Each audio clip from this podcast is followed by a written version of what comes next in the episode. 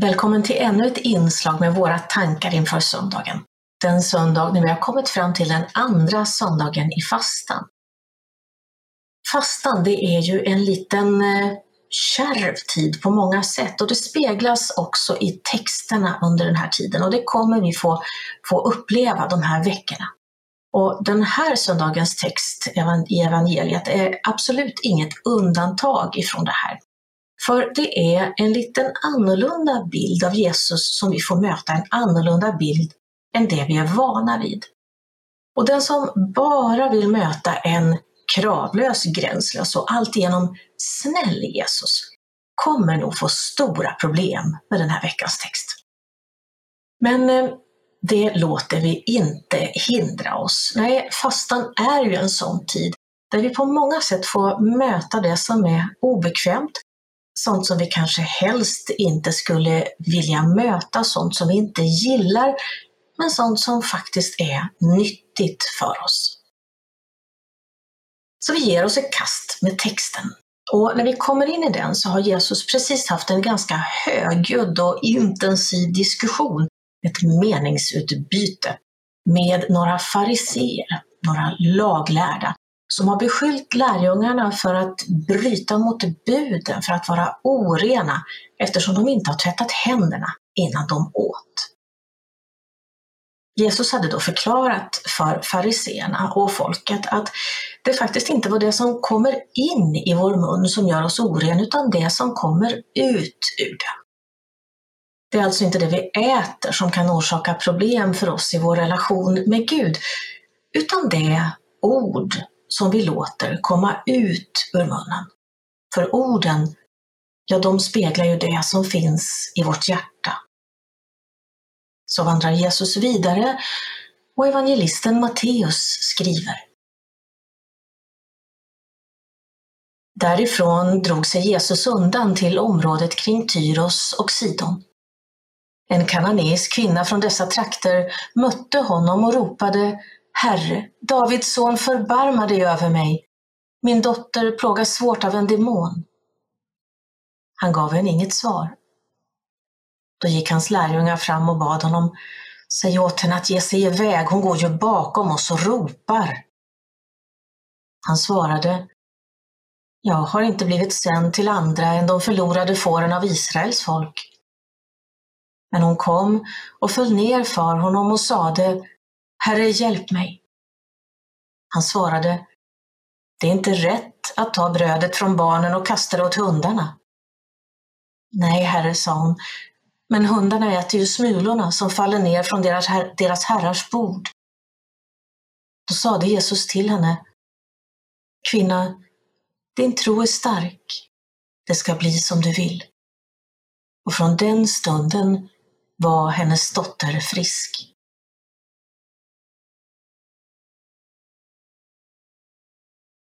När den dagen kommer, och den lär nog komma ganska snart, när någon kräver att Nya Testamentet ska skrivas om för att bättre spegla moderna tankar och värderingar, ja, då kan jag nästan lova dig att just den här texten, den ligger väldigt risigt till. Den är nog en av de första som kommer att behöva omformuleras. För vad är det egentligen Jesus säger? Kallar han en hjälpsökande kvinna för en hund? Så kan vi väl inte ha det, väl? Nej, det är ju inte så här vi är vana att tänka oss Jesus. Som någon som inte bryr sig om den som söker hjälp. Som någon som exkluderar på grund av etnisk och religiös tillhörighet och någon som bara bryr sig om sin egna grupp. Ändå är det ju just det som händer i den här texten. Och då är det väl bara att eh, ta fram censuren och stora röda pennan, stryka och skriva om fortast möjligt, eller hur? Eller så skulle vi kunna göra på ett annat sätt och faktiskt fundera lite grann över varför det står som det gör. Ett problem med Bibelns texter det är ju att de är skriftliga skildringar av någonting som hände för 2000 år sedan. De här texterna de har eh, skrivits ned först efter att man har berättat dem i många, många led. Man har översatt dem, kopierat dem många, många gånger och mycket har kommit till och försvunnit på vägen. Och det hade ju varit så oändligt mycket enklare om någon bara hade kunnat ha en smartphone med sig där när det hände och, och filma och lägga ut på nätet så att vi faktiskt visste vad som hade hänt. Men den lyxen har vi inte. Nej, allting skrevs inte ned. Och i just det här fallet så anar jag att det som har utelämnats, det kan vara väldigt viktigt för att förstå vad texten faktiskt innebär.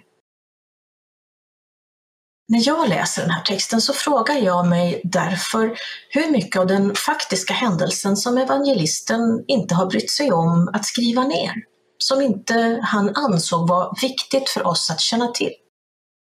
Jag anar att det är ganska mycket. För texten ger exempelvis inga som helst detaljer om vilka som var där runt omkring. Vi vet ju att Jesus följdes åt av många människor, men vi får veta att lärjungarna var där och, och så den här kvinnan förstås. Men vilka mer var där? De säger heller ingenting om eh, med vilken ton Jesus säger det han gör. Kanske måste den här texten faktiskt läsas i ett större sammanhang. Jag tror att den mycket väl kan höra ihop med den här tidigare texten. Det här mötet och diskussionen med fariseerna. Och kanske sägs den här texten när någon av de här fariseerna fortfarande höll sig kvar i Jesu närhet för att liksom hålla koll på Jesus. Eftersom jag själv är en person som har ganska lätt för att vara lite ironisk ibland, så kan jag heller inte hjälpa att undra om Jesus säger som han gör för att visa det orimliga i fariseernas krav på judisk eh, rituell renhet för de fariseer som eventuellt hade dröjt sig kvar. I andra sammanhang hade ju Jesus inga som helst problem med att umgås vare sig med kvinnor eller människor med annan etnisk och religiös tillhörighet, så varför skulle han ha det nu? Men jag tror faktiskt inte att han hade det. Så kanske är den här ordväxlingen ett enda stort långfinger i luften framför de skriftlärda fariseerna som var så lagbundna. Kanske, kanske inte. Men jag menar att det i alla fall för mig är en ganska intressant tanke. Men eh, om vi nu lägger de problematiska uttrycken åt sidan så visar texten oss på någonting som är viktigt även för dig och mig idag. En liten smula av Guds nåd, det är allt vi behöver.